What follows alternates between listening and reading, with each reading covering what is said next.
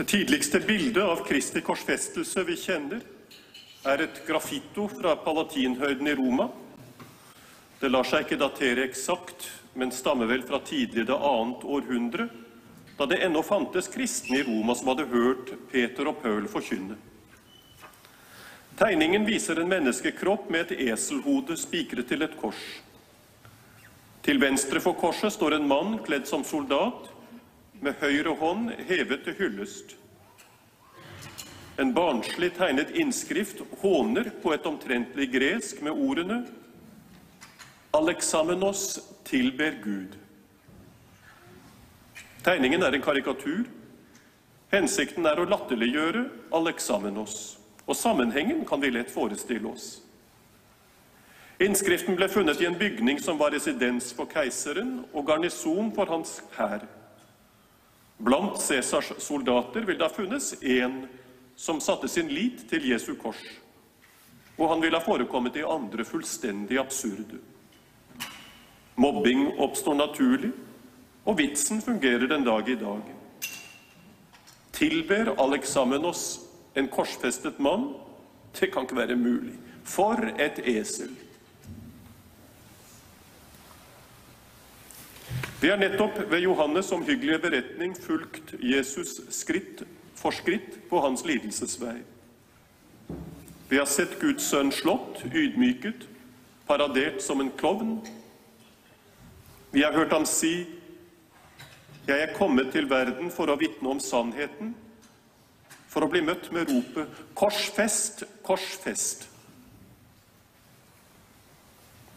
Pilatus var innstilt på å la saken henfalle.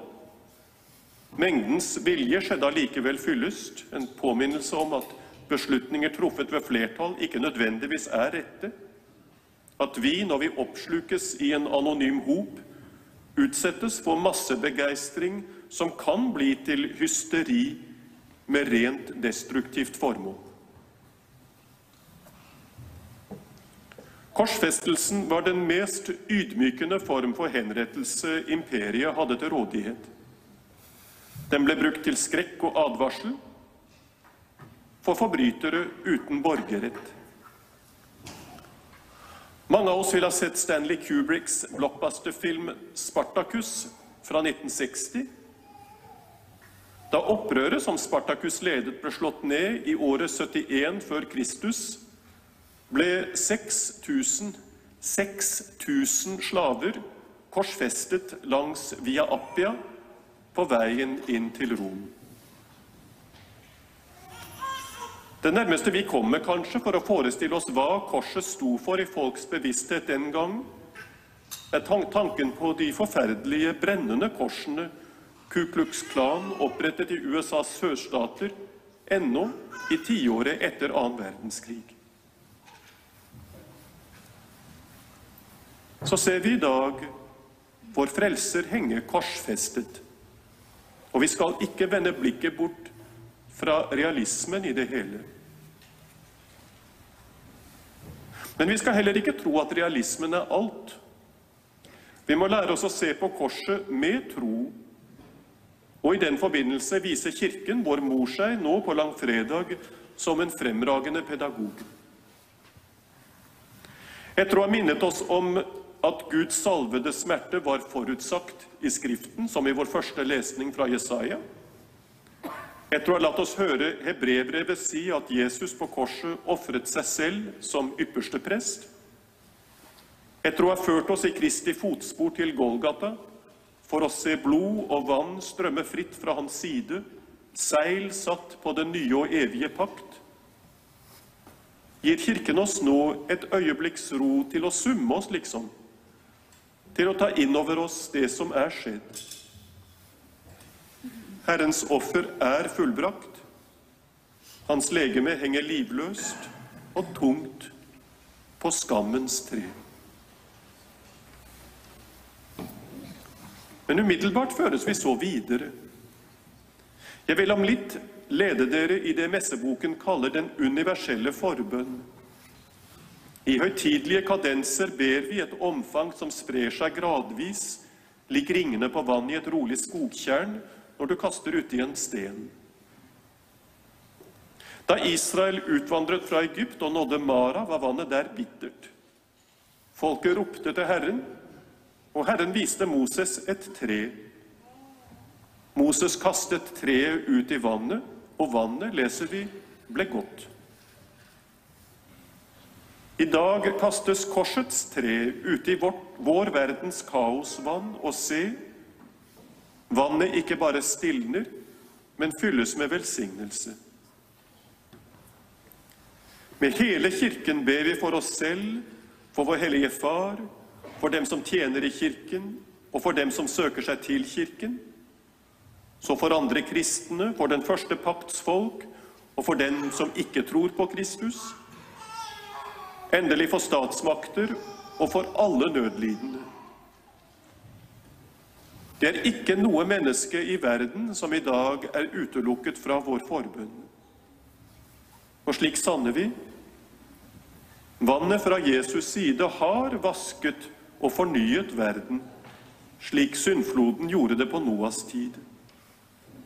Ved å ta vår synd på seg har Gud utslettet den. Ingen urenhet er utilgjengelig for Hans frelsesflom, så lenge vi ikke selv setter sluser. Etter forbønnene skjer så noe enestående. Korset, som bare for litt siden sto for Luthers skam, bæres inn i triumf i det vi synger. Ved korset er gleden kommet til verden. Det er langfredagens store utrop. Ved korset er gleden kommet til verden. Det er en forvandling som finner sted.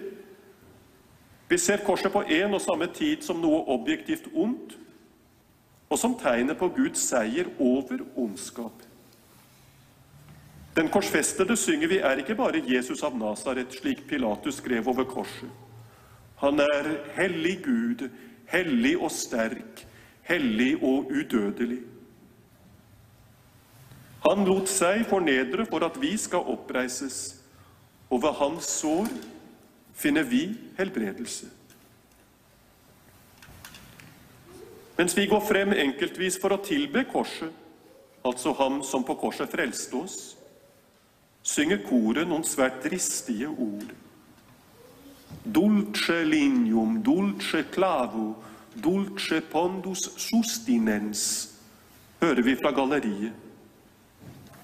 Og det blir på norsk. Sødmefullt er treet, sødmefull er naglen, som bar så sødmefull en bør. Det bitre er blitt søtt. Døden viser seg som en kilde til liv. Og slik blir korset for oss ikke bare et seierstegn, men noe elskverdig og noe kjært. I Jesu kors finner vi kraften vi trenger for å se verden og våre egne liv helt klarsynt, men på samme tid med inderlig og fullt ut realistisk håp. Oppgaven som betros oss i dag, brødre og søstre, er å bære dette korsformede håp ut i livet som en fakkel, høyt og stolt. Kanskje hånes vi da litt, som Aleksamenos den gang. Men det skal vi overhodet ikke bry oss om. For vi vet, vi vet ved Skriftens ord, ved Kirkens lære og ikke minst ved vår egen erfaring at korset er nøkkelen til tilværelsens, til livets og til dødens gåte. Vi hyller det ærbødig, takknemlig og sier:" Vær hilset, vårt eneste håp. Ave crux spes unica. Amen.